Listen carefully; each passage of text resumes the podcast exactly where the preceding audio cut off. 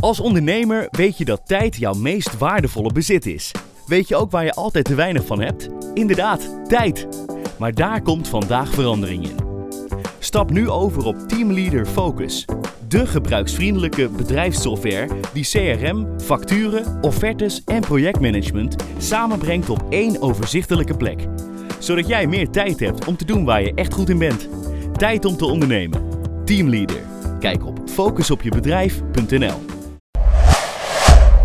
We hebben van scratch die business van PostNL opgebouwd. Van nul tot, op een gegeven moment hadden we, voor mij mag ik het nu wel zeggen hoor, 170 miljoen euro omzet of zo gedaan per jaar. Ik vind relaties, vind, daar haal ik heel veel energie uit. Dus de persoonlijke interactie met mensen, het vertrouwen dat ze mij meegeven, ook, maar ook de bewustzijn dat ik gewoon mankementen heb die ik nodig heb, dat andere mensen nodig heb, om, om dat uiteindelijk tot een succes te kunnen brengen. Is dropshippen dood? Nee, het is niet dood. Het, is, uh, het heeft een nieuw leven. Het krijgt een nieuw leven. Gewoon woman die paas, paasje zutse daar, uh, lotgenoten podcast.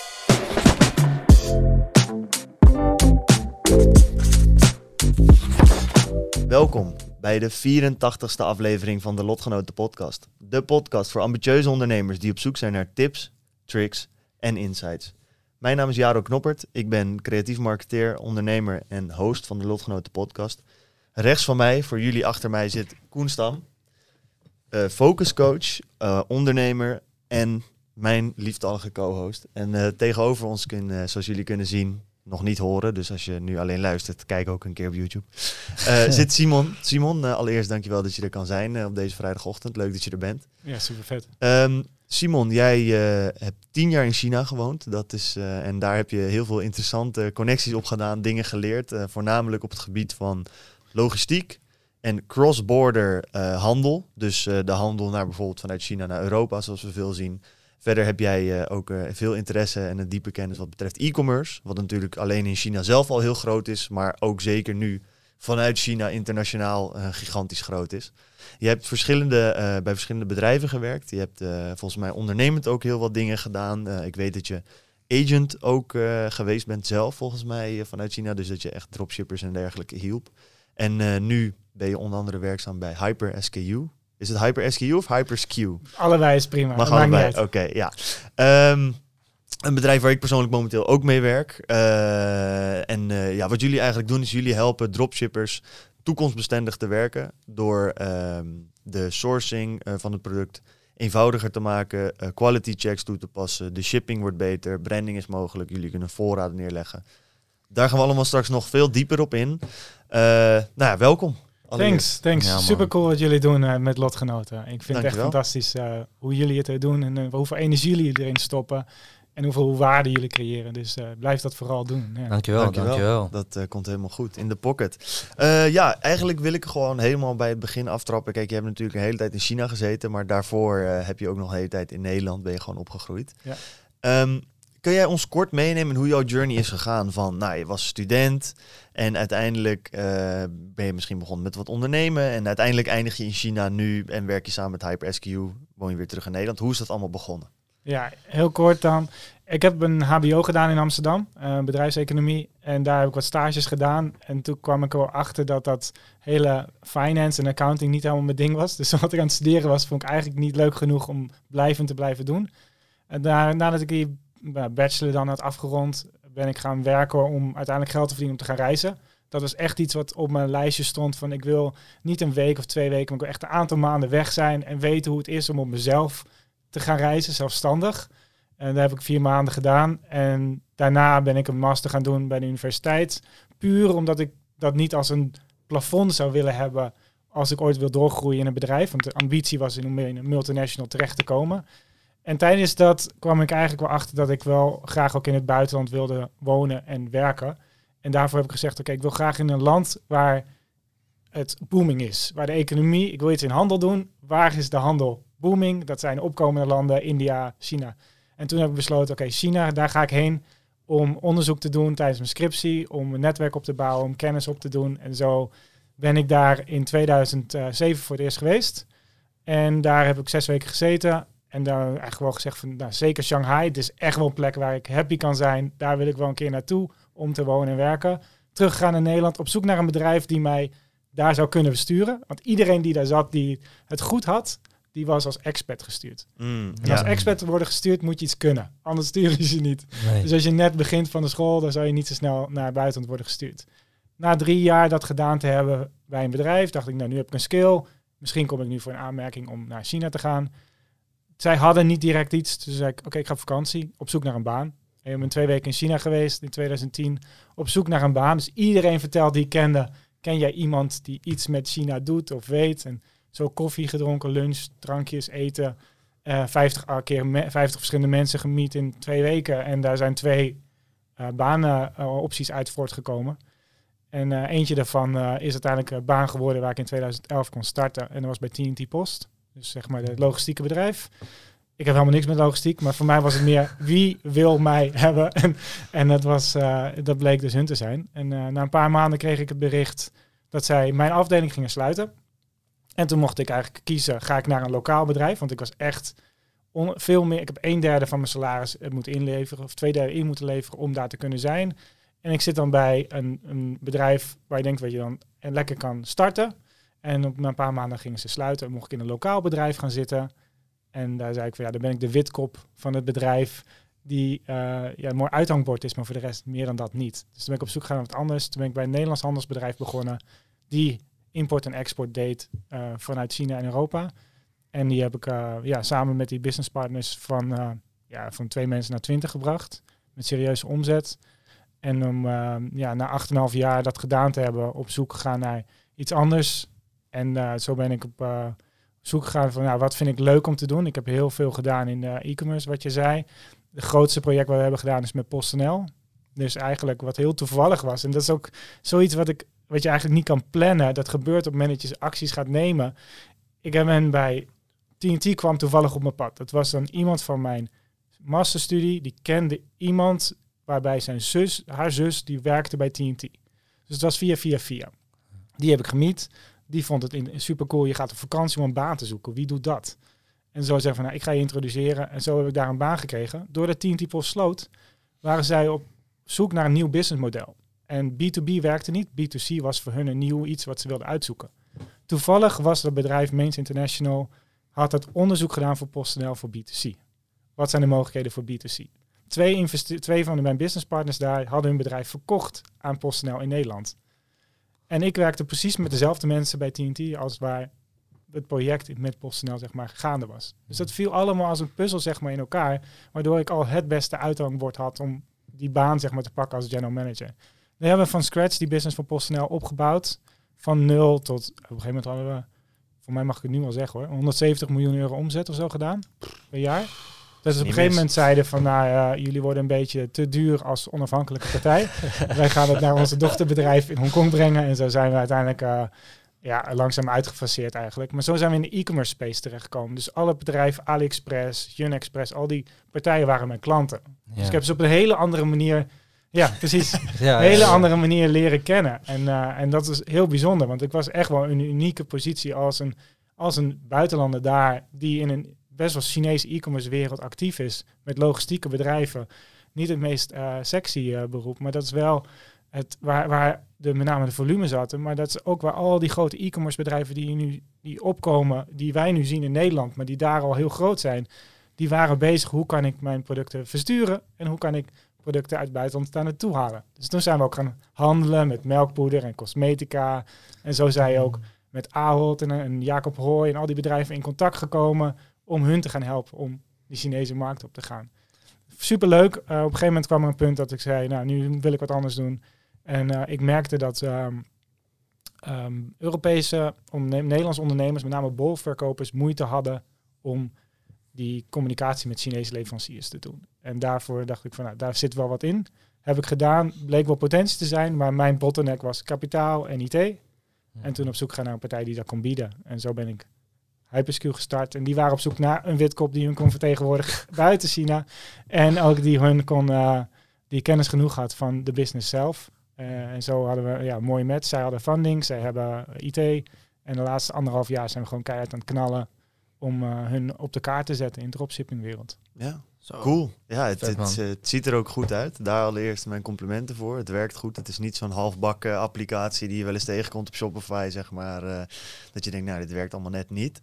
Dus eh, ja, daarin heel tof. Ehm, ja, we zijn nu echt al heel veel dingen doorgegaan. ik wil eigenlijk nog iets terugpakken. Want je zegt van, nou, ik was eh, student in Nederland. En je had eigenlijk al best wel snel, dus best wel een, een clear goal. En dat hoor ik elke keer. Dat een bedrijf gaat bepaalde keuzes maken. Wat voor jou financieel nadelig zou kunnen zijn. Want je gaat minder verdienen. En toch kies je er continu voor om te zeggen: nee, ik kies wat waar mijn hart ligt. Dus ik ga wat anders doen. En nou, allereerst daarvoor mijn complimenten. Want ik denk dat er heel veel mensen zijn die altijd kiezen voor toch geld, veiligheid, dat soort dingen. Heb je een idee waar die drang of, of zo, waar dat vandaan komt? Want ja, om alles te laten gaan en tien jaar in China te gaan wonen, dat is niet niks. Nee, de in- insteek was ook niet tien jaar. En Dat, de insteek was, eh, was drie jaar. Eh, dat is uiteindelijk tien jaar geworden. Dus ja, drie jaar is gelukt. Eh, het was, eh, ik heb, ik heb eh, huilend op de bank gezeten de dag voor ik wegging. Omdat het van, waarom wil ik dit überhaupt? Waarom maak ik mezelf zo moeilijk? Ik kan net als mijn broer trouwen, kinderen, huisje, boompje, beestje en super gelukkig mee zijn. Maar ik zou, wist gewoon van mezelf dat ik niet, dat dat niet mijn pad was. Ik zou niet gelukkig worden. Het zou, op een gegeven moment zou het gaan knagen dat ik dat niet had gedaan. Dus voor mij is dat was altijd voor dit soort belangrijke keuzes, want het zijn belangrijke keuzes op zich. Maar aan de andere kant, wat kan er fout gaan? Worst case scenario, plan B gaat in Nederland, zoekt een baan en je gaat verder. En dat is ook prima. Ja. Dus, dus de, wa- wat, wat snijd je zeg maar eigenlijk helemaal niks. Dus voor mij was altijd, wat als ik het niet doe? Wat als ik niet deze stap doe om in het buitenland, zou ik daar dan spijt van krijgen later? Want later heb je op een gegeven moment een commitment met een huis, met een relatie. En dat zou misschien iets tegen kunnen houden. Hoeft niet, maar het kan wel. Dat wilde ik sowieso voorkomen. Dus voor mij was het, ik wil gewoon, voor me, was toen voor mijn dertigste, wilde ik daar in het buitenland wonen en werken. En dat moest op een gegeven moment gebeuren. En toen zei ik van oké, het lukt mij niet. Ik ben al drie jaar bezig om in China te komen. Online solliciteren, met bedrijf pushen en poelen. Wat kan ik nog meer doen? Ja, kan ik Mhm. vakantie erheen. Ja. En dan kijken we of ik iets kan creëren. En waarom eh, China en bijvoorbeeld eh, geen Amerika of een andere, andere plek? Ja, ik, heb eigenlijk zijn er twee versies van. Eh, er is één, één versie, ja, dat is denk ik... eh, eh, voor mij was China meer opkomend. En Amerika was, heeft wel groei, maar het is wat lastiger om, eh, om daar je ook in te settelen. Want voor mij New York was een leuke stad, maar het is moeilijk starten. Het is gewoon duur om daar te wonen en eh, om te overleven. Andere verhaal was, ik heb tijdens een reis in 2005 een meisje leren kennen die Amerikaans was, die in Beijing studeerde. En daarom daar gingen mij eigenlijk van, hm, ja, dus waarom China niet? En eh, dus voor mij was dat ook, eh, inmiddels toen ik er eenmaal was, was zij al verdwenen. Ah. Eh, maar het was in ieder geval was wel ook, ook gewoon iets van, oké, ik wil graag iets doen in, in opkomende landen. En China, ik wist er eigenlijk heel weinig van. En toen ik me erin ging verdiepen, begon het eigenlijk wel interessant te worden. En de journey die dat land doormaakt en heeft doorgemaakt, is ongekend. Mhm. En ja, hoe, wat, hoe gaaf is het als jij daar onderdeel van kan zijn of dat kan meemaken. En dat zou, gaat sowieso al een waarde zijn op zich. Dus het was voor mij, eh, ja, hoe, kan, hoe moeilijk kan ik het mezelf maken? Welk land spreekt een taal die ik niet ken en een eco- cultuur die ik niet ken? En ja, dan was voor mij was, stond wel China in de top drie om mezelf te challengen, dat een keer te leren kennen. Het is echt een grote uitdaging aan. Ja. Dat Ja, geloof ik. En, en eh, hoe was dat, de eerste drie dagen dat je daar bent en denkt, oké, we zijn er nu. Hoe, wat Ja, ging er door je hoofd? Ja, het is eh, sowieso onwerkelijk. Ik heb het nog steeds, ook als ik hier ben, dan voelt China weer heel ver weg. Als je daar bent, voelt Nederland ook weer heel ver weg. Dus het is gewoon heel on- onwerkelijk. Eh, met name, je hebt echt een pieken continu in je emoties. Want op dat moment hadden we niet echt een app of, of een telefoon waar je echt dingen kon vertalen of dat soort dingen. Dus elke keer als je er naar buiten ging, dat was 2000, eh, 2011, moest je dus met iemand gaan praten. Of met een taxi, of met een bus, of bij een winkel, of met je iets niet kon vinden. Dus elke keer zat je toch weer met een struggle om weer ergens naartoe te gaan. Of je gaat met Westelingen om en je in Engels communiceert en je doet allemaal hun ding. Dus dat is een beetje een mix van die twee. Dus je probeerde, mijn collega's, ik was op een gegeven moment met denk nee, 100 collega's, ik was de enige niet-Chinees.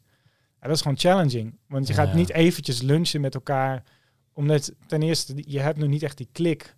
En ze nemen je wel mee, dus ik probeerde met mensen dan af te spreken om met hun dan te lunchen. Maar het moest sowieso iemand zijn die Engels vaardig was.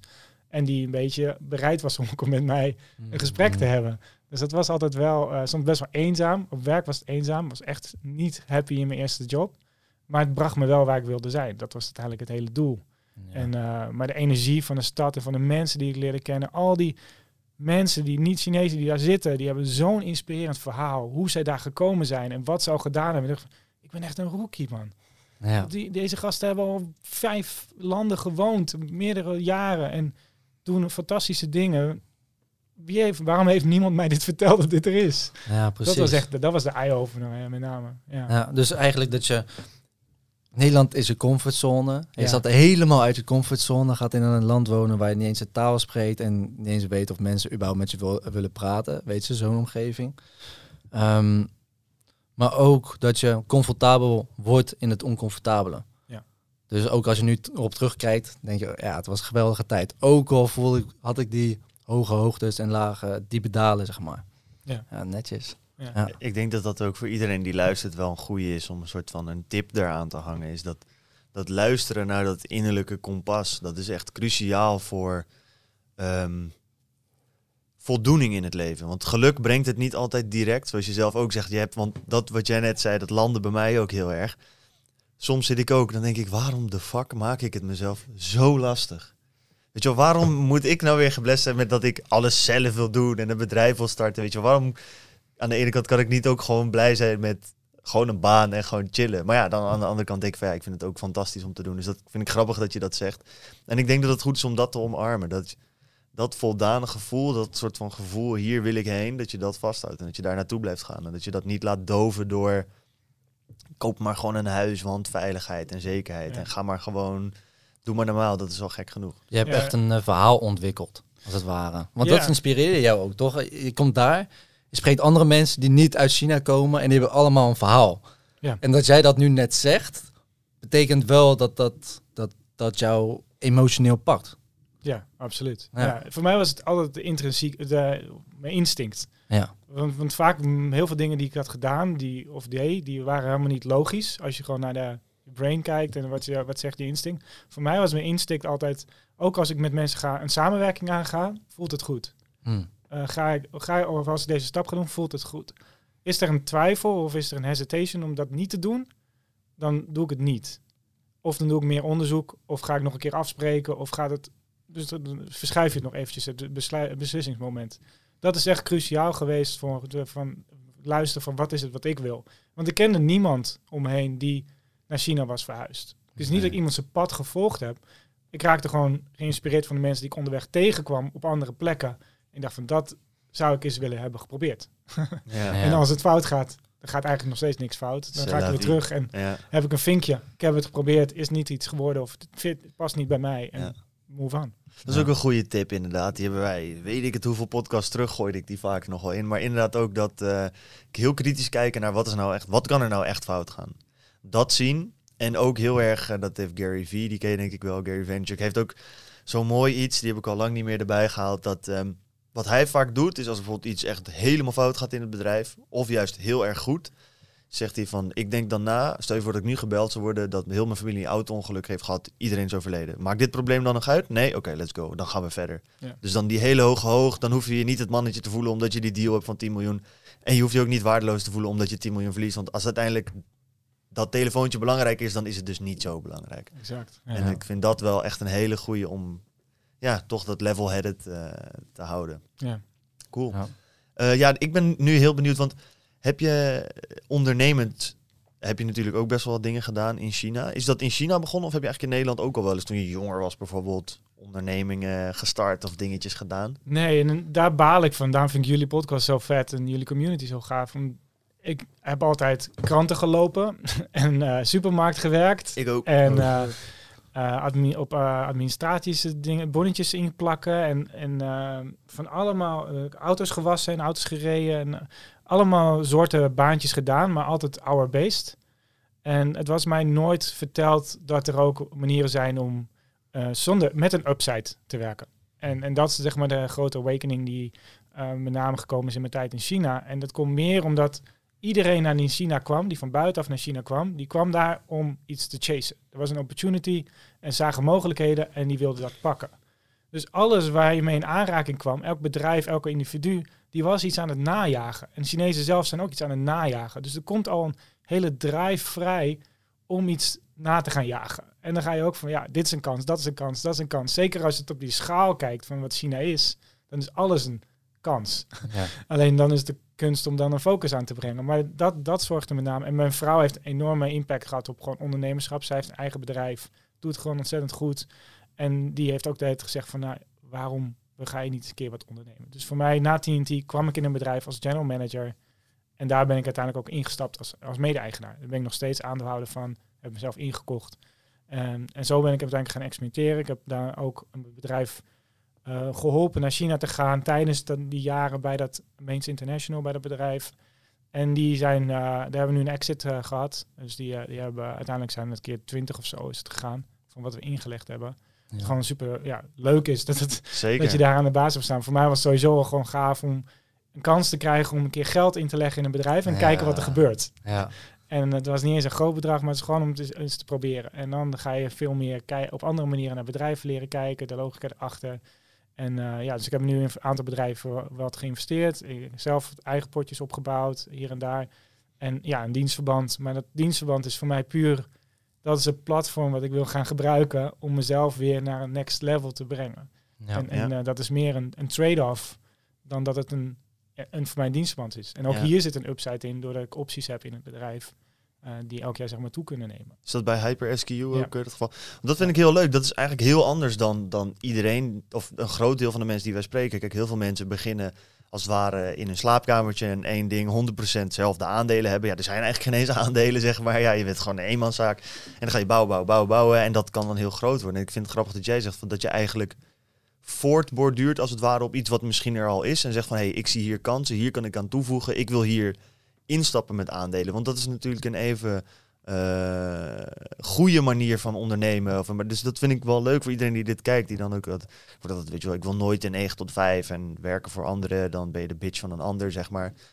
Ehm, er zijn veel meer mogelijkheden dan dat jij zelf iets opstart en dat helemaal naar boven moet worstelen. Je kan ook aansluiten bij anderen en die synergie gebruiken om Ja, te groeien. Dus ik vind het heel leuk dat je die aanpak eh, ook uitlicht. die past bij mij het beste. En dat is voor iedereen denk ik eh, apart anders. Voor mij, eh, ik, ik vind relaties, vind, daar haal ik heel veel energie uit. Dus de persoonlijke interactie met mensen. Het vertrouwen dat ze mij mee geven. Ook, maar ook de bewustzijn dat ik gewoon mankementen heb die ik nodig heb. Dat andere mensen nodig heb. Om, om dat uiteindelijk tot een succes te kunnen brengen. En dan is de trade-off is dat je daarin gaat delen. En ja, dat voor mij was, ik weet niet of je Jack Ma kent van Alibaba. Zeker. Ja. Ja. Voor hem was het ook altijd zo ehm, dat hij dat nooit een bedrijf alleen heeft gedaan. Puur, hij heeft altijd zeven of meer mensen die ook aandeelhouders zijn. Omdat hij ook weet, ik ga het alleen niet zo groot krijgen als ik eh, denk dat het gaat worden. Mhm. Ik ga Hyperscale niet zo groot krijgen als ik het alleen zou doen. Daar zou ik gewoon bottlenecks, soort plafonds hebben. Maar samen met, eh, de, met de eigenaar, waar we nu mee gewoon super goede, leuke relatie hebben, gaan we dit echt, kan het een unicorn worden. Ja. Ja. En, en dat is, dan wordt het opeens een hele, de, de hele game changed opeens. Voor jou Voor- ook natuurlijk. Ja, bedoel, een miljoenenbedrijf naast- versus een miljardenbedrijf. Dat is de keuze die je maakt door juist Mm. met iemand anders te gaan doen. Ja. Ja. En dan ja, ja, heb je, kan je zeggen, maar ik heb zoveel, ik heb nu een aantal keer, denk ik, nou, misschien acht keer een, iets van nul tot meer dan een miljoen kunnen brengen. Een project of een bedrijf of iets. Eh, maar dan uiteindelijk is van hoe kan ik daar onderdeel van zijn? Want hoe kan ik ook profiteren van die groei? Want met PostNL was dan van 0 naar 170 miljoen omzet in een jaar. Ja, ik, heb, ik was een dienstverband. Ik kreeg een winstdeling van het bedrijf. Ja. En dat is dan een percentage van een percentage van een percentage, zeg maar. Hoe kan ik nou zorgen dat ik daar mijn hart en ziel erin stop en daar ook voor beloond word op een variabele manier? En zo ga ik nu eigenlijk alles aan wat ik doe.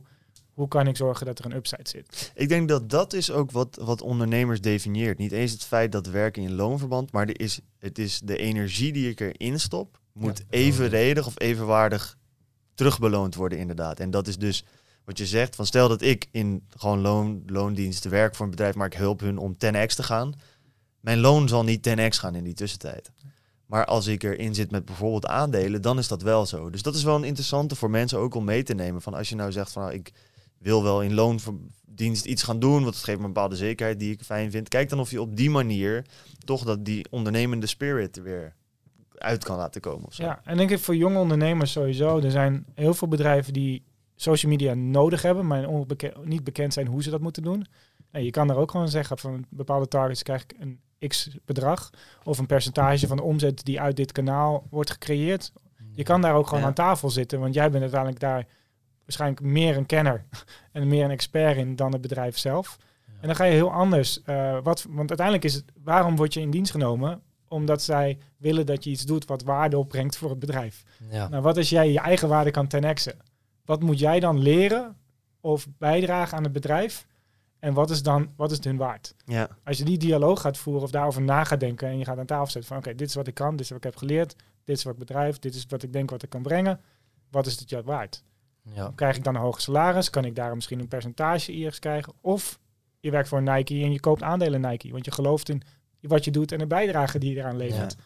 Er zijn er heel veel manieren waar je wel echt een upside kan creëren. En hoe, wat zijn dan bijvoorbeeld de eerste stappen die je daarin zou adviseren?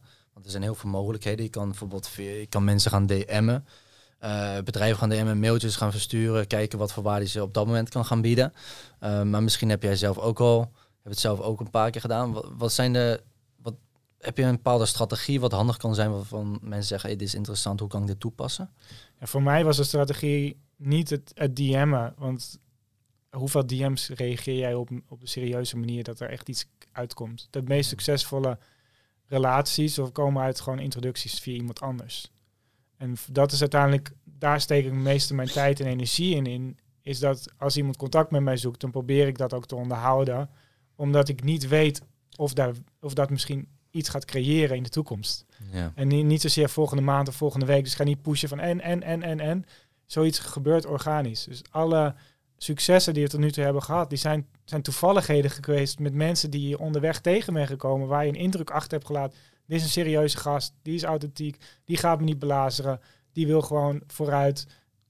Ik ga hem introduceren. En zo Ja. krijgen, worden deuren geopend die anders dicht zouden blijven. En eh, ja, dat creëerde oh, eh, kansen. Dus het is een langere route. En, en die tijd heb je ook. Dus het is ook niet, niet dat je volgend jaar miljonair of whatever moet zijn. Dat moet ook niet het doel zijn. Voor mij was het, het geld is uiteindelijk het resultaat geweest van het succes. En dat succes is gecreëerd door de relaties en de mensen, het netwerk en die ik heb gecreëerd over, door de jaren heen. Ja. Ja.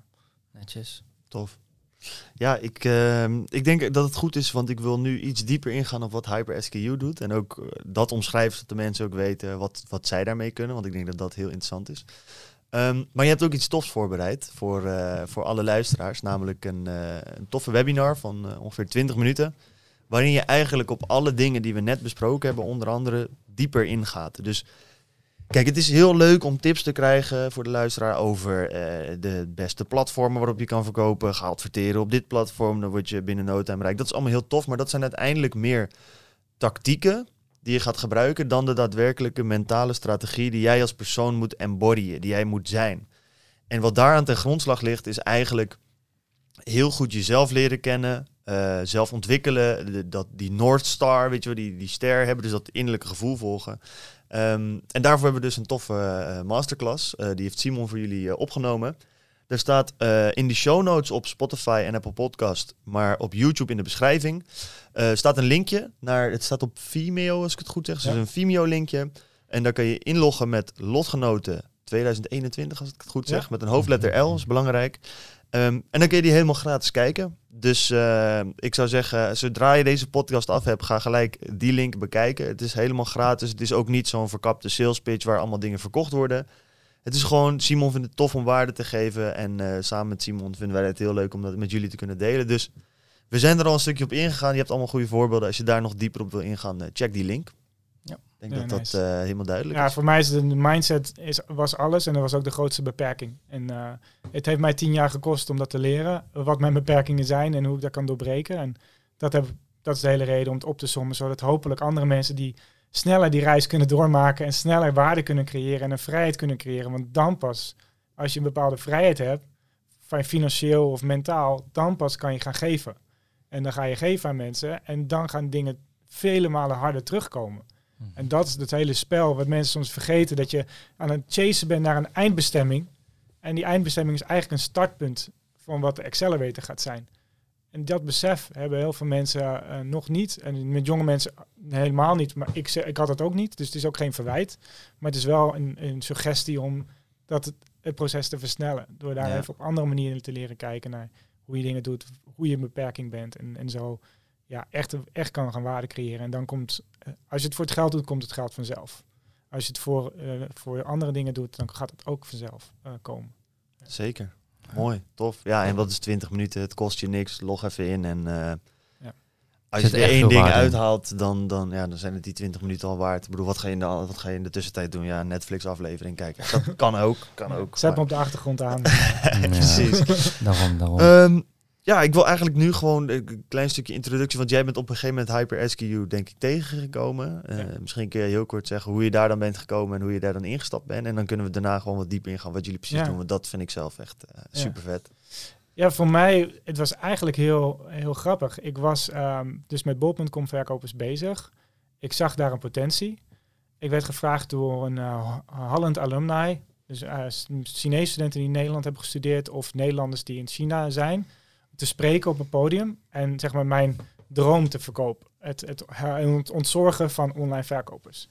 En op dat podium zat een headhunter in het publiek, zat in het publiek te luisteren, die kwam daarna naar mij toe. En die zei, eh, heb je interesse om bij Alibaba aan de slag te gaan? In- Het is in Hangzhou, een andere stad naast Shanghai. En zei ik van nee, ik heb geen interesse. Ik heb geen zin om naar Hangzhou te gaan. Mijn doel is om uiteindelijk weer naar Nederland terug te gaan. En dan ga ik niet, dit is niet de stap die voor mij past. Die belde mij een aantal maanden later nog een keer. Die zei, nou, ik heb nu een nieuwe mogelijkheid bij Alibaba in Luik, in België. Wil je daar? eh?" Ik zei, nou, dat is dichterbij het wat ik van plan was. Dus dat heb ik gedaan. En toen zijn ze halverwege eh, tijdens de hele trip zes interviews gedaan. Toen zei ze op een gegeven moment van er is ook nog een bedrijf die zit in Shenzhen en ik denk dat het een betere fit is. En dat is Hyperskill. En eh, zo ben ik ja, met Hyperskill in gesprek gekomen. Het was meteen al een klik. Zij hadden precies de visie die ik ook had en de middelen die ik nodig had om het tot een succes te maken. En eh dat is eigenlijk al heel snel beklonken dat we dat gezamenlijk gingen doen. En eh, ja, zo hebben we eh, ja, de afspraak gemaakt. En toen was dat was net voor corona start in China. Dus dat was begin 2020. Januari, Mhm. februari. Denk ik februari tekende. Ja. Nou, toen begon de hele corona. Dus de idee was dat ik in juli vorig jaar naar Nederland zou verhuizen. Er was niks om naar, naartoe te verhuizen. Nee. dus dat is helemaal opgeschoven. Dus nu uiteindelijk eh, dit jaar mei ben ik dan eh, verhuisd eh, naar Nederland uit China. Ja, en voor de luisteraars, HyperSQ, wil je er wat meer over uitleggen wat precies inhoudt? Ja, wat we met name nastreven is, je hebt heel veel succesvolle sellers op eBay en Amazon. En dat zijn allemaal platformgedreven. Wij verwachten, en volgens mij is er iets van 4 triljoen, triljoen, is dat triljoen of is dat nul? Volgens mij is dat ja, ja. Die, die, eh, die plaat een omzet op die platformen, maar er zit iets van eh, z- 400 miljard zit in social driven. En daar zit eigenlijk de meeste groei. Alleen het probleem met social, eh, met Facebook, TikTok, al die dingen, die komen uiteindelijk bij elkaar. En iedereen is bezig om hoe kan ik mijn marketing faciliteren, hoe kan ik mijn ads het beste doen, hoe kan ik dit, dit, dit doen. Maar niet zoveel mensen met de supply chain bezig. Er is geen FBA, fulfillment voor Amazon, voor Shopify sellers of zoiets. Of voor andere stores die uiteindelijk zorgen voor de conversie. Dus je hebt een traffic generator, social media. Dat gaat naar een platform. Een Shopify, een WooCommerce, een Wix. En vervolgens wordt een order gecreëerd die iemand moet gaan vervullen. Ja. En dat kan je zelf regelen. Of je kan het uiteindelijk inprikken in een systeem wat wij dan bieden. Waarbij de order bij ons binnenkomt. Wij zien de order, je betaalt de order bij ons. Wij kopen het dan lokaal in, in China. Bij een leverancier. Brengen het naar ons eigen warehouse. Zodat we extra ook echt het product fysiek kunnen zien en aanraken. Dat is het hele idee met dropshippen. Je raakt niks aan.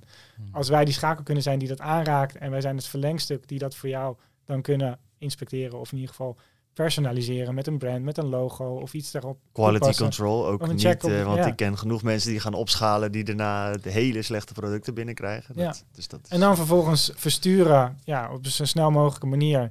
Wat voor mij nu het snelste is, v- vijf dagen of zo, wat we kunnen realiseren.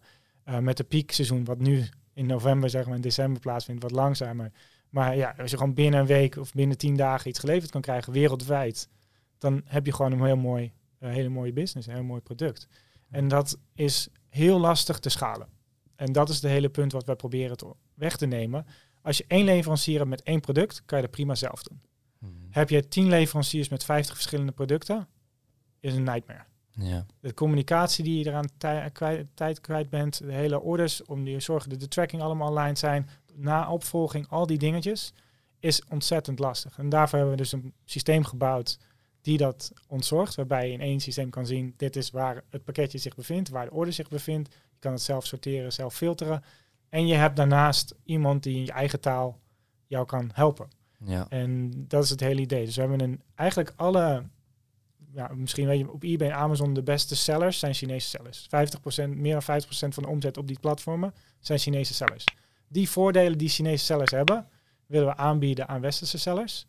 En daarnaast ook communicatiedeel oplossen, wat het grootste bottleneck Ja. vaak is, door mensen neer te zetten die Duits, Spaans, Italiaans, Frans, Nederlands, eh Hebreeuws, eh, Arabisch spreken, om dat communicatiedeel in een chat op te lossen, in een whats- WhatsApp-groep of een Skype-groep. Ja. En hoe is de levering zelf? Hoe gaat dat proces? Eh, want met dropship heb ik wel eens gehoord. Of als je iets op AliExpress wil eh, bestellen, dan kan het soms drie maanden duren en zo. Ehm, hoe hebben jullie dat geregeld? ja, dus op AliExpress heb je beperkte, met name de grootste klachten zijn inderdaad kwaliteit, verzendheid, eh, de- de- Ja. dat zijn de grootste. Dus die moeten we oplossen. Nou, kwaliteit doen we dus door extra check te doen, maar ook door gewoon de suppliers beter te vetten van tevoren, want iedereen kan op AliExpress verkopen. Ehm, elke Chinese persoon zou dat kunnen. Levertijd is dat wij leveren met name met Junexpress. Nou, je bent bij het event geweest met Junexpress. We zijn nog Eh, geweest. eh, Super tof. En eh ja, superleuk. Dat is de beste partij eh, die op dit moment gewoon eh, verzending uit China regelt. Maar die is niet gekoppeld aan AliExpress. En dat willen ze ook niet, want ze willen zich distancieren van hele Alibaba groep in dat opzicht. Dus dat betekent dat je dus beperkte verzendmogelijkheden hebt met AliExpress. Dus of heel langzaam, of eh, je betaalt iets extra's voor en dan kan het wel sneller. Nou, dat extra voor betalen is vergelijkbaar met, met Unexpress en andere partijen. En dus zo hebben we de, eigenlijk de bottlenecks van AliExpress hebben we opgelost. Wat dan vaak de communicatie, levertijd, kwaliteit, dat hebben we opgelost. Ja. En we kunnen dus op die manier eh, mensen zorgen dat het binnen tien dagen of binnen twee weken geleverd is, wereldwijd. Zodat jij echt kan schalen. En niet alleen maar in je eigen land, maar echt global. Ja. Wereldwijd. Dus Ja. eigenlijk het soort van goed samengevat voor iedereen hier. Jij gaat straks, je bent aan dropshippen, je hebt een leverancier. Nou, topproduct, je gaat opschalen. Je leverancier heeft beloofd, ja, we kunnen dit allemaal aan, de voorraad, dat is geen probleem. En het komt allemaal goed de deur uit. Op een gegeven moment krijg je een mailtje binnen, nog een mailtje binnen. Komt weer een mailtje binnen, mensen krijgen het product niet. Het product is helemaal, komt niet overeen met wat jij besteld hebt. Er komen allemaal problemen en uiteindelijk gaat nou, de helft of al je winst gaat verloren aan het feit dat je refunds moet doen. Heel veel dropshippers kennen dit en het is een groot probleem. En dat ondervangen jullie dus door een goed eh, logistiek systeem te gebruiken. Met Unexpress onder andere ondersteund, waardoor jullie snel en ook gewoon ehm, De eh, tijd.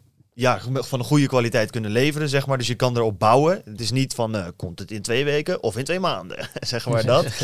Ehm, en daar komt bij dat het ook nog eens ehm, eh, een quality check bij komt kijken. Maar wat ik ook heel interessant vind, is namelijk dat jullie ook eh, qua branding heel veel bieden. Ja. En dat is denk ik ook iets wat heel interessant is. Daar kan je misschien nog wat meer over vertellen wat daar allemaal in mogelijk is. Ja, dus het, het dropship, dat is altijd lastig. Want heel veel mensen hebben verschillende definities over wat dropshippen is. In de basis is het eigenlijk dat je een product inkoopt zonder zelf de voorraad te houden en vervolgens rechtstreeks levert waar, waar het naartoe moet. Dat hoeft niet per se uit China te zijn. Dat kan lokaal Ja. in Nederland of kan weer. Internationale bedrijven doen het ook. Dus een Nike en al die grote bedrijven doen het ook. Zalando doet het ook. Bestel je iets op Zalando, vaak krijg je het in delen binnen. Puur omdat het vanuit door oorsprong wordt ge- gedropshipped. Ja. Ja. En die order bestond nog niet, dus het is niet dat zij zelf voorraad hebben gehouden. Dat is ook dropshippen. Voor Ja. ons, eh de dropshippen is, is eh, heel erg in ontwikkeling. En het is veel meer toe naar een, een mengeling van één Shopify en andere platformen verkopen. Dus je hebt niet meer één platform waar je actief bent, maar meerdere. Dat is echt wel lastig te managen. Dus dan heb je en bulk en losse orders. Hoe ga je dat zo, zo goed mogelijk eh, coördineren? Dus dat wordt best com- complex. En daarnaast wil je uiteindelijk een merk gaan bouwen.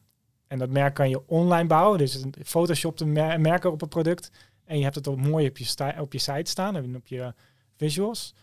Maar dan om dat ook te realiseren op het product zelf of op de verpakking zelf, is een hele grote uitdaging. En dat is uiteindelijk wel waar we steeds meer ook mensen mee helpen om te onderhandelen, om die MOQ omlaag te krijgen, om uiteindelijk te, ook soms vragen te stellen van wat wil je nou precies? Ik wil mijn logo op je product. Ja, waar op je product? Ja. Moet het een sticker zijn? Moet het geprint zijn.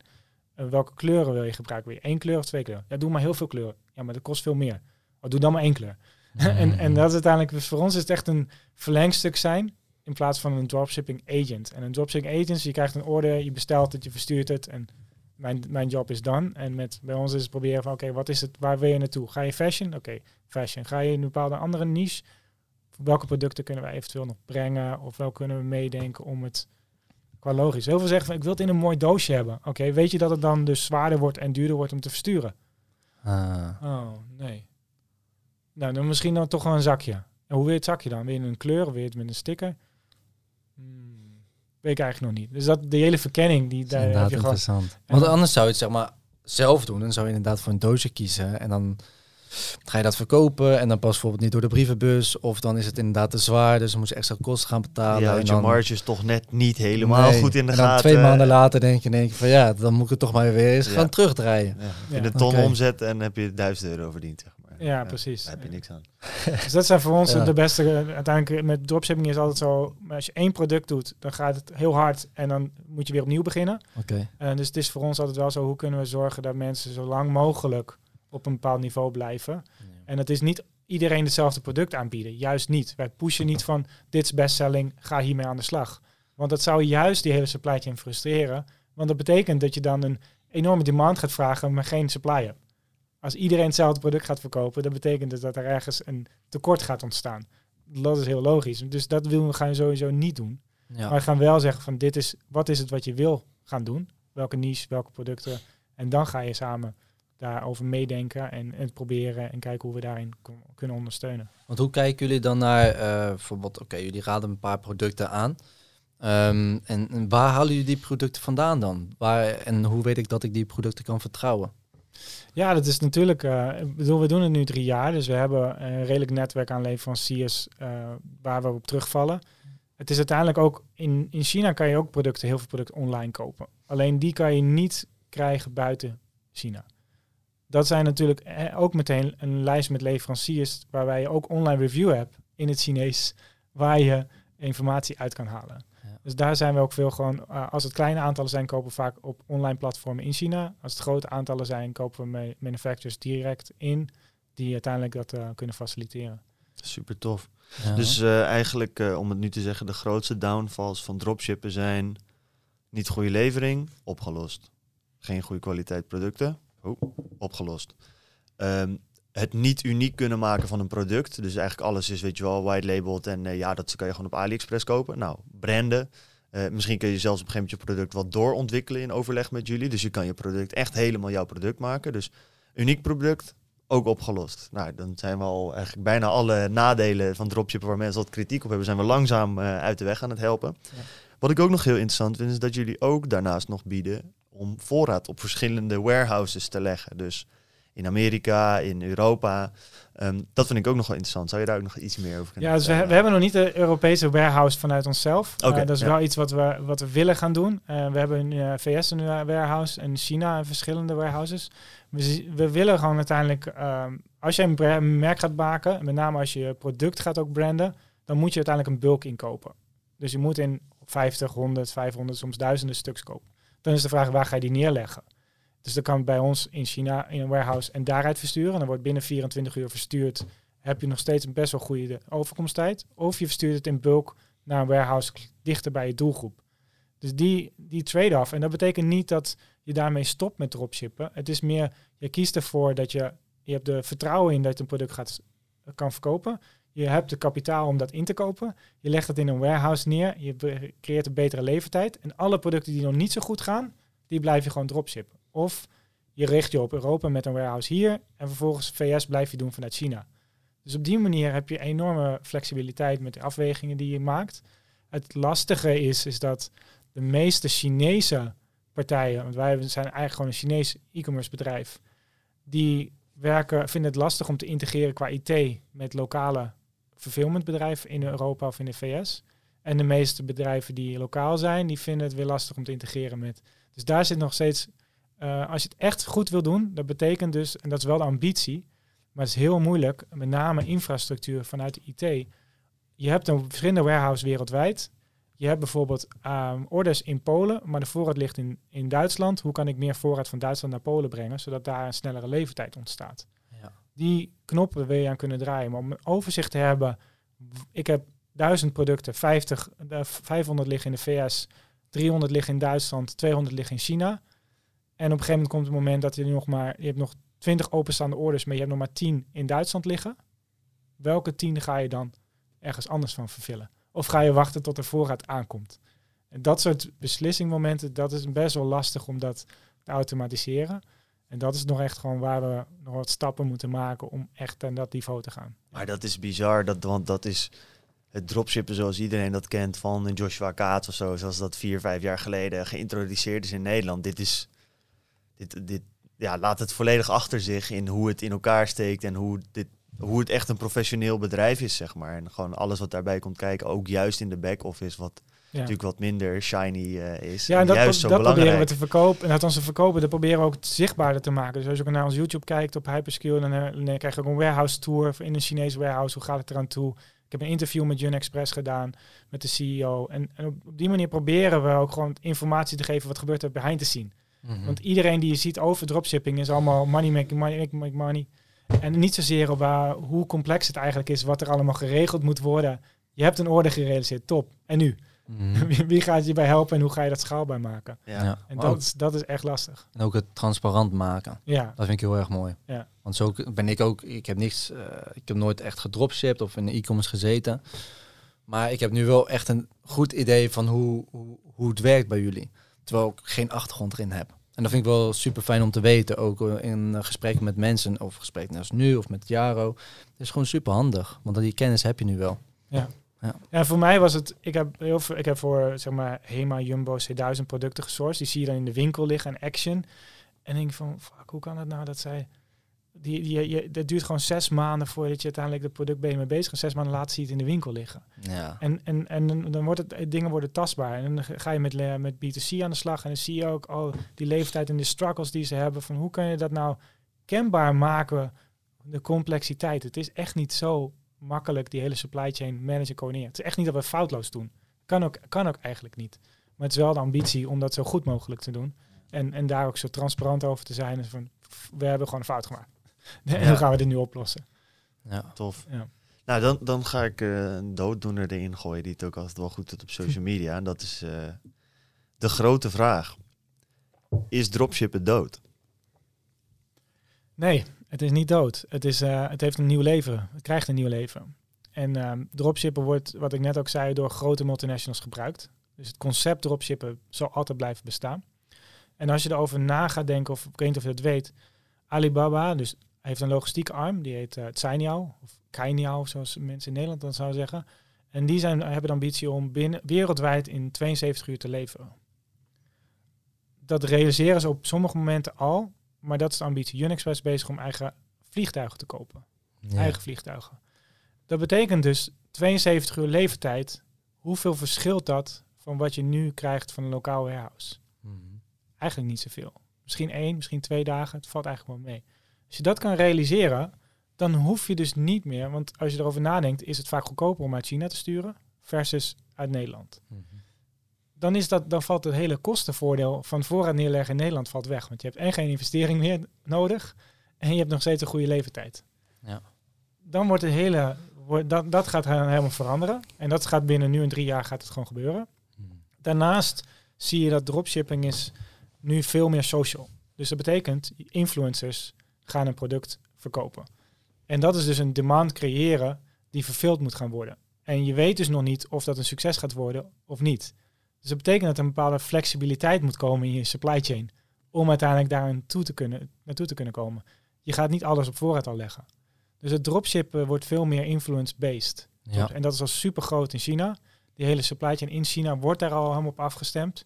Je ziet het ook bij eh, Shine, eh, Shein als mooi voorbeeld. Maar ook in China zelf met die livestreaming. Dat ze een livestream doen en dan gewoon al om 100.000 orders in één uur doen. Of miljoenen orders in een uur. Bizar. Dat is, Ja. ja, en dat kan dus ook op een grotere schaal. Ja. Alleen dan is de bottleneck de supply chain. En dan zie je het verschuiven naar de leverancier. Dus waar je nu, en dat vind ik de leukste ontwikkeling nu op dit moment, is dat je hebt de supply chain en je hebt een demand chain. En met een demand chain betekent eigenlijk dat er in plaats van dat je het zegt van dit is wat ik wil, ik wil duizend stuks van jou hebben, gaat nu de supplier zeggen, ik heb hier duizend stuks liggen, wie gaat mij helpen dit verkopen? Ja.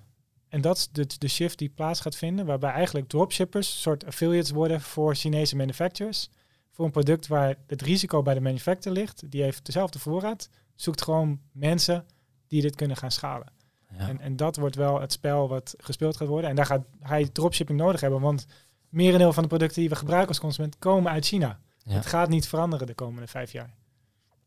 Cool. Super Heel mooi cool. is dat, hè? Dus dropshippen is nog eh, springlevend. eh, Springlevend, een nieuw, kortom. een nieuw jasje gekregen. En het is niet, niet meer, ik, eh, ik zoek een product op AliExpress, zet het online en het gaat vliegen. Dat dus niet meer. Nee. Maar er gaat dus wel iets meer werk in zitten en voorwerk en trial and error. En ook een passie om echt iets te gaan bouwen. Want als Ja. je het echt puur voor het geld nu doet, even snel rijk worden, dat, dat is, bestaat sowieso niet. Nee. Ik heb het nooit gezien. Je hebt wel eens een gelukstreffer, maar het is niet dat iemand, ik heb nog nooit iemand een miljonair zien worden zonder kei en keihard te werken een aantal jaar lang. Ja. Ah, crypto heeft daar wel aan bijgedragen. Bij Ja, sommigen. nee, dat- maar ik snap, quick ja. money doesn't last, zeggen ze altijd. eh. Ja. Nee, maar mensen die ook eh, 100% gaan op crypto, Ja, kijk, ja, eh, die weten ook niet of ze volgend jaar daar nog steeds staan. Nee, daarom. die kunnen ook weer miljoenen verliezen daardoor. Klein geintje. Ja, daarom. Die zijn Maar allemaal in Shiba influencers- influencers eh, worden dus wel echt eh, belangrijk. Ja. Worden dan de influencers de nieuwe dropshippers?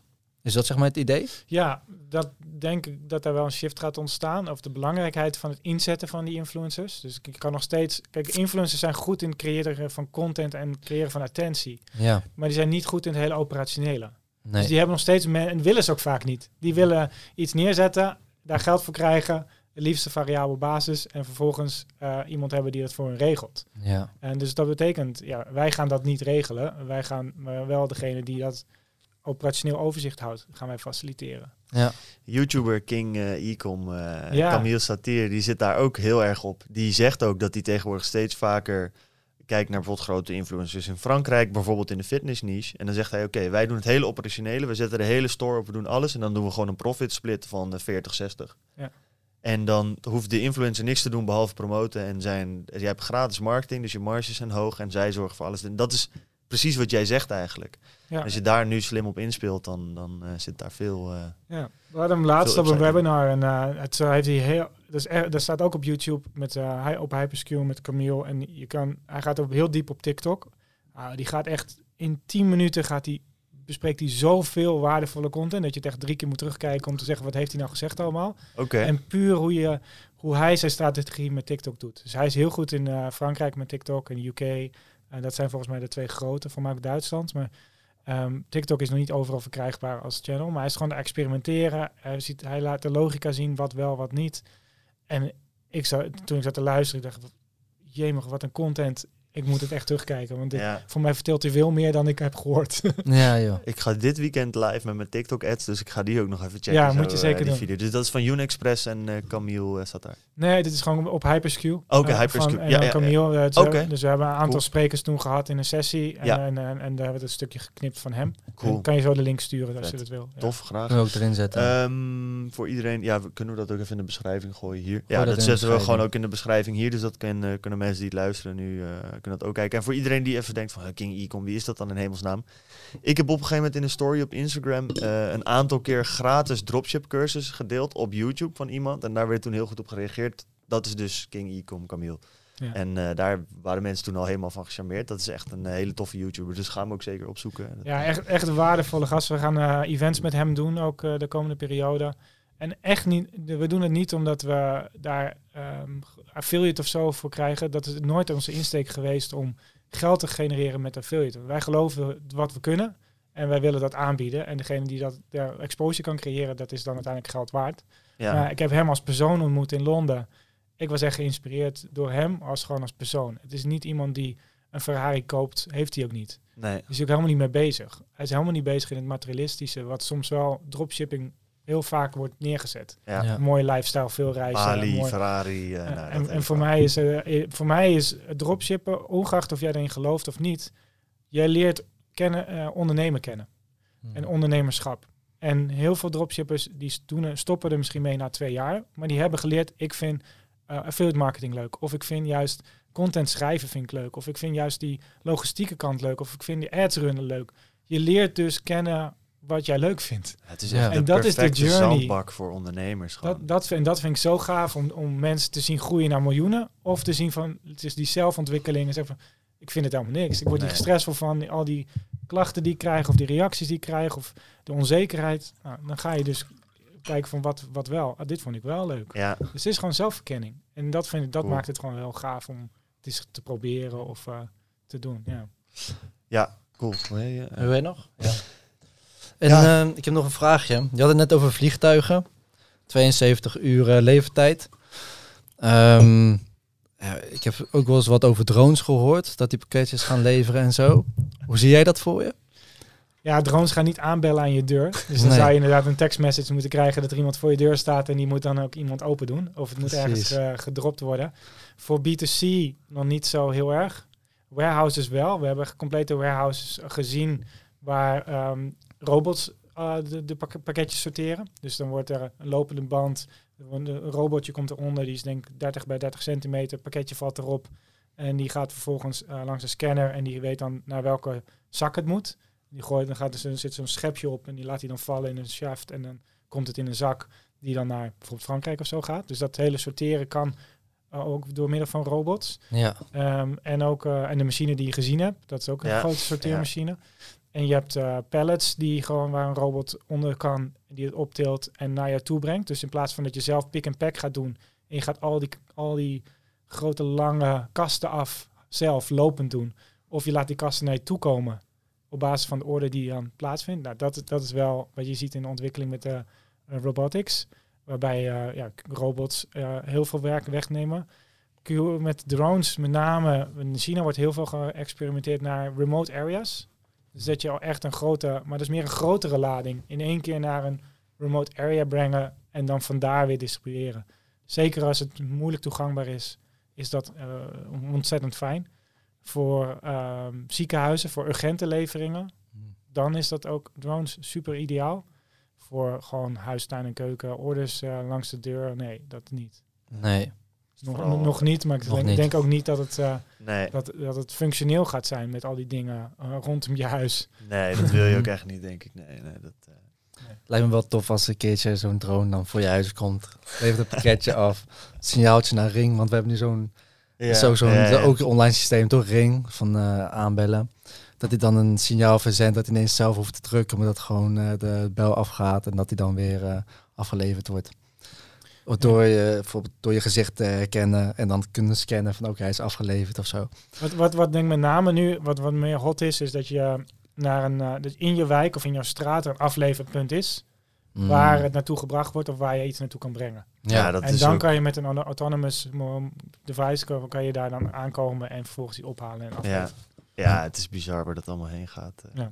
Ja, mooi. Ik, eh, ik wil eigenlijk nog één onderwerp eh, waarmee ik hem wil afsluiten. En dat is eh, heel eenvoudig. Dat kan wel heel uitgebreid gaan. Maar Ehm, dat is eigenlijk hoe je kijkt naar de toekomst van dropshipping. Eigenlijk hebben we het daar al redelijk over gehad. En ik denk dat het daarbij misschien interessant is om gewoon nog even kort in te gaan op dat hele verhaal met die influencers in China. Die in livestreams gewoon voor miljoenen euro's aan producten verkopen.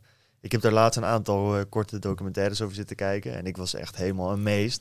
En ik denk dat het gewoon leuk is voor de mensen. Ik weet niet of ze er direct mee iets, iets mee kunnen. Maar ik geloof wel dat dit in de komende jaren ook in Europa en de westerse landen echt een ding gaat worden. Ja. Zou je dat soort van eh, eenvoudig kunnen uitleggen wat daar nou precies gaande is in China met die livestreams en dat verkopen van producten? Ja, de oorsprong zit met name in het gebrek aan vertrouwen. In China heb je natuurlijk heel lang de één-kind-politiek gehad. En je bent zo'n, dus zo'n groot gat tussen je ouders en je grootouders. Qua eh, wa- wat er gaande is in de wereld om je heen en wat, zij, wat hun beleving is. Dat je op zoek gaat naar informatie van gelijkgestemden. Dat zijn je neven, nichten en uiteindelijk ook op social media mensen waar je tegenaan kijkt of die, die jou inspireren. Dat creëert dus enorme volgers voor, voor bepaalde kanalen. En dat zijn op de schaal van, ja, als je 1,3 miljard mensen hebt in een land, dan gaat het dus over miljoenen volgers, al kan opeens heel snel gaan. En die eh, hebben een enorme vinger in de pap met hoe mensen zich gedragen. Puur omdat zij die persoon vertrouwen, of in ieder geval zich daar tegenop kijken. Die geven vervolgens dan, eh, hebben invloed om producten te promoten. En dus heel veel merken zijn veel meer, eh, in in China is iedereen ook op zoek naar eigen identiteit zijn. Hoe kan ik mezelf het beste neerzetten in plaats van eh, de- go with the flow of everyone.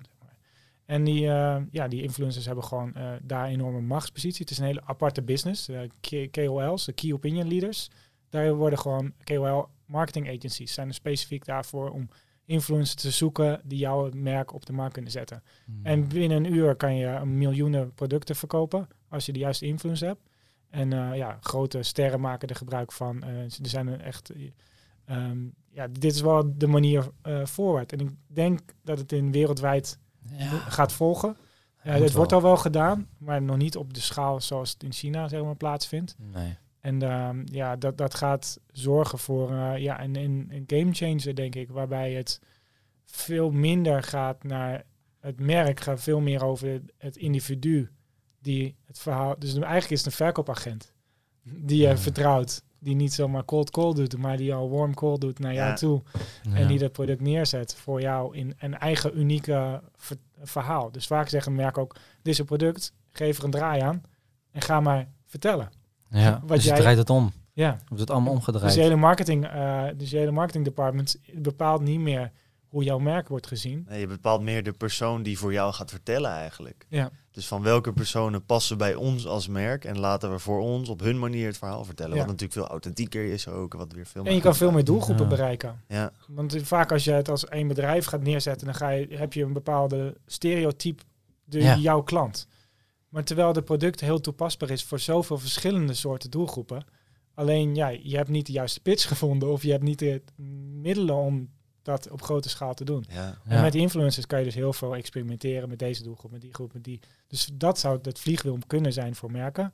En dan is de uitdaging, hoe kan ik zorgen dat ik die supply chain op orde heb om ook dan het product te leveren. ja. Ehm, eh, of ja, om daar een planning voor te bedenken. Bizar. Ja. Ja, je- want volgens mij zie je daar ook, als ik dat goed begreep, dat ook dus het AliExpress van... In China heeft dat een andere naam volgens mij, toch? AliExpress? Of Ja. is dat... In ieder geval dat... Het is, dat je kan niet op AliExpress kopen in China. nee, Dus je precies. Je, je hebt, want hoe heet dat platform waar je heel veel kan kopen, zeg maar, in China? Dat je heeft- hebt eh Taobao. je Ja, Taobao, dat bedoel ik, ja. ja.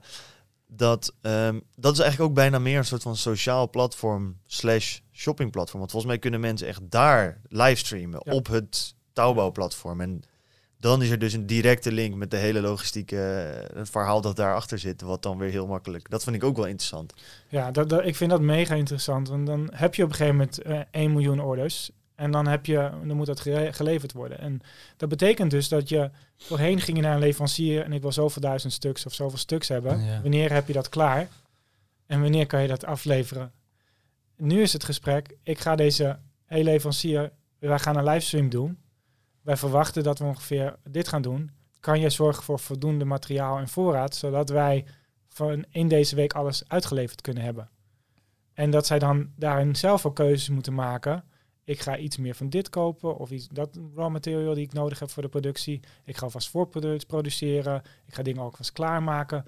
Dan wordt het dus niet meer een vraag en aanbod. Het is een compleet geïntegreerde Ja. keten waarbij iemand creëert een, een demand, een influencer. En al die middelmen die er normaal gesproken tussen zitten, die zijn weg. En je hebt een leverancier. En die leverancier die denkt daarin mee. En die kan daar ook in sturend zijn. Het is bizar, om, om, het is bijna alsof je een kijkje in de toekomst neemt als je naar die ontwikkelingen, naar mijn mening, eh, in China kijkt. Maar het is wel het- voor mij voor het eerst dat het... tenminste, het klinkt ook logisch.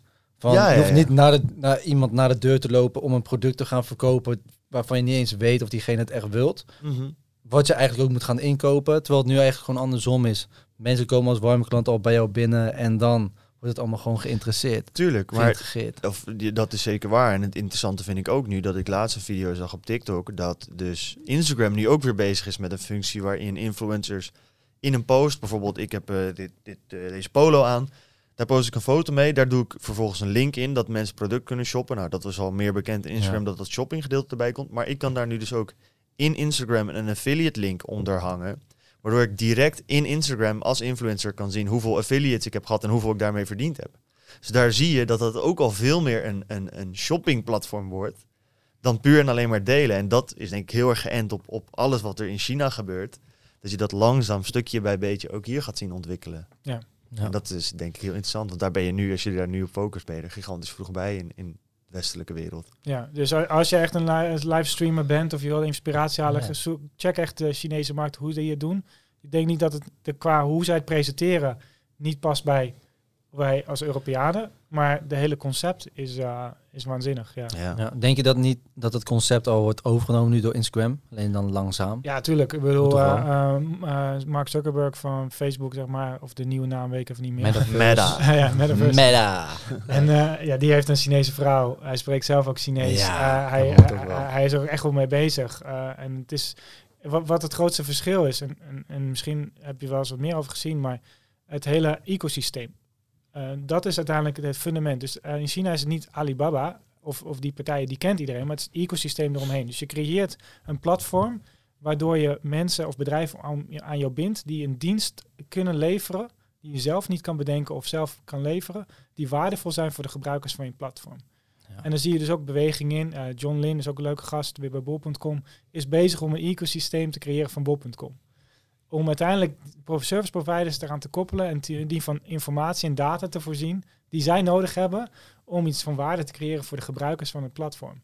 En dat is een hele andere manier van denken. En dat is dus on, rondom Facebook en Instagram. Dat zijn allemaal stukjes die een schakel zijn die uiteindelijk een waarde gaan creëren voor die gebruikers. En, en ja, daar, dat hele ontwikkeling van de ecosysteem, daar vind ik wel China leading in om, uh, om, om ja, als inspiratie voor westerse bedrijven. En dus niet zozeer voor hoe kan ik mensen naar mijn platform krijgen. Het is hoe kan ik service providers aan mij binden die waarde creëren voor mijn gebruikers. Waardoor het, je moet wel gebruik maken van ons platform. Want het heeft te veel voordelen en het biedt zoveel mogelijkheden. Ja. En dus niet meer gewoon koop bij mij, want je moet hier kopen. Maar kijk hoe tof het hier is. Ja, we hebben toevallig ook dit. Ja. En dat, ja, dat is een hele, veel meer authentieke en, en organische manier van uh, verkopen. Ja. Ja. Super vet. Kleine vraag. Yes. Drie minuten binnen. Doen jullie ook al wat? Want we, we hebben het nu over Meta en Metaverse. En uh, ja, ben je, heb je daar al een beetje over nagedacht? Waar dat heen kan gaan? Bijvoorbeeld, uh, je hebt nu de NFT's, dat je online kunstwerken kan kopen. Je hebt de crypto's en je hebt straks de wereld, bijvoorbeeld Sandbox, waar je in kan lopen. En dan kan je langs allemaal merken gaan en kleding kopen online of zo. Um, heb je al daarover nagedacht hoe dat ook weer met elkaar geïntegreerd kan worden? Nee, dat is nou echt een bridge too far, denk ik, om nu... Ik, ik ben zelf wel vanwege de fear of missing out, de FOMO, ben ik crypto gaan kopen en dat soort dingen. Ja, ja. Uh, NFT nog niet, dus ik heb me daar ook nog niet echt in verdiept. Uh, maar het, ik zie nog niet die directe connectie, anders dan dat het, uh, die blockchain belangrijk is om de echtheid van een product te kunnen bepalen. Dus dat jij Hmm. op dit glas een QR-code zit. Dat was in China, is echt een groot ding. Dat je dit kan scannen en je kan zien, dit komt echt van het merk. Of dit komt uit Duitsland, is vervolgens daar naartoe verplaatst en zo uiteindelijk bij mij hier op de tafel. Dus elk glas is uniek. Mijn glas heeft een ander verhaal dan jouw glas. Ja. ja. ja en, en dat, dat, dus deze is een andere batch geweest of een andere productie of deze is misschien 2020, die is van 2019, weet ik veel. Dat is uiteindelijk wel waarbij uh, producten een, zelf een verhaal gaan krijgen. Dat is bizar eigenlijk ook. Dat bijvoorbeeld Nike, als Nike dus gewoon al hun schoenen scant en op de blockchain plaatst, dan is alle nepschoenen zijn ineens aantoonbaar nepschoenen. Wat ja. natuurlijk nu nog soms lastig is om te zeggen, ja, ze kunnen het zo goed namaken. Hoe ga je dat zien? Zo snel je alles op de blockchain plaatst. Ja, als Nike aan de ene kant niet verifieert dat zij het in de blockchain gestopt ja. hebben, dan is het duidelijk dus een bootleg. Ja. Dat is interessant. Op er zijn, er zijn al bedrijven die dat doen. En name, je hebt natuurlijk een melkpoederschandaal gehad in China. Ja. En je hebt andere schandalen, met name fake. Er zijn er zoveel fake uh, goods uh, beschikbaar.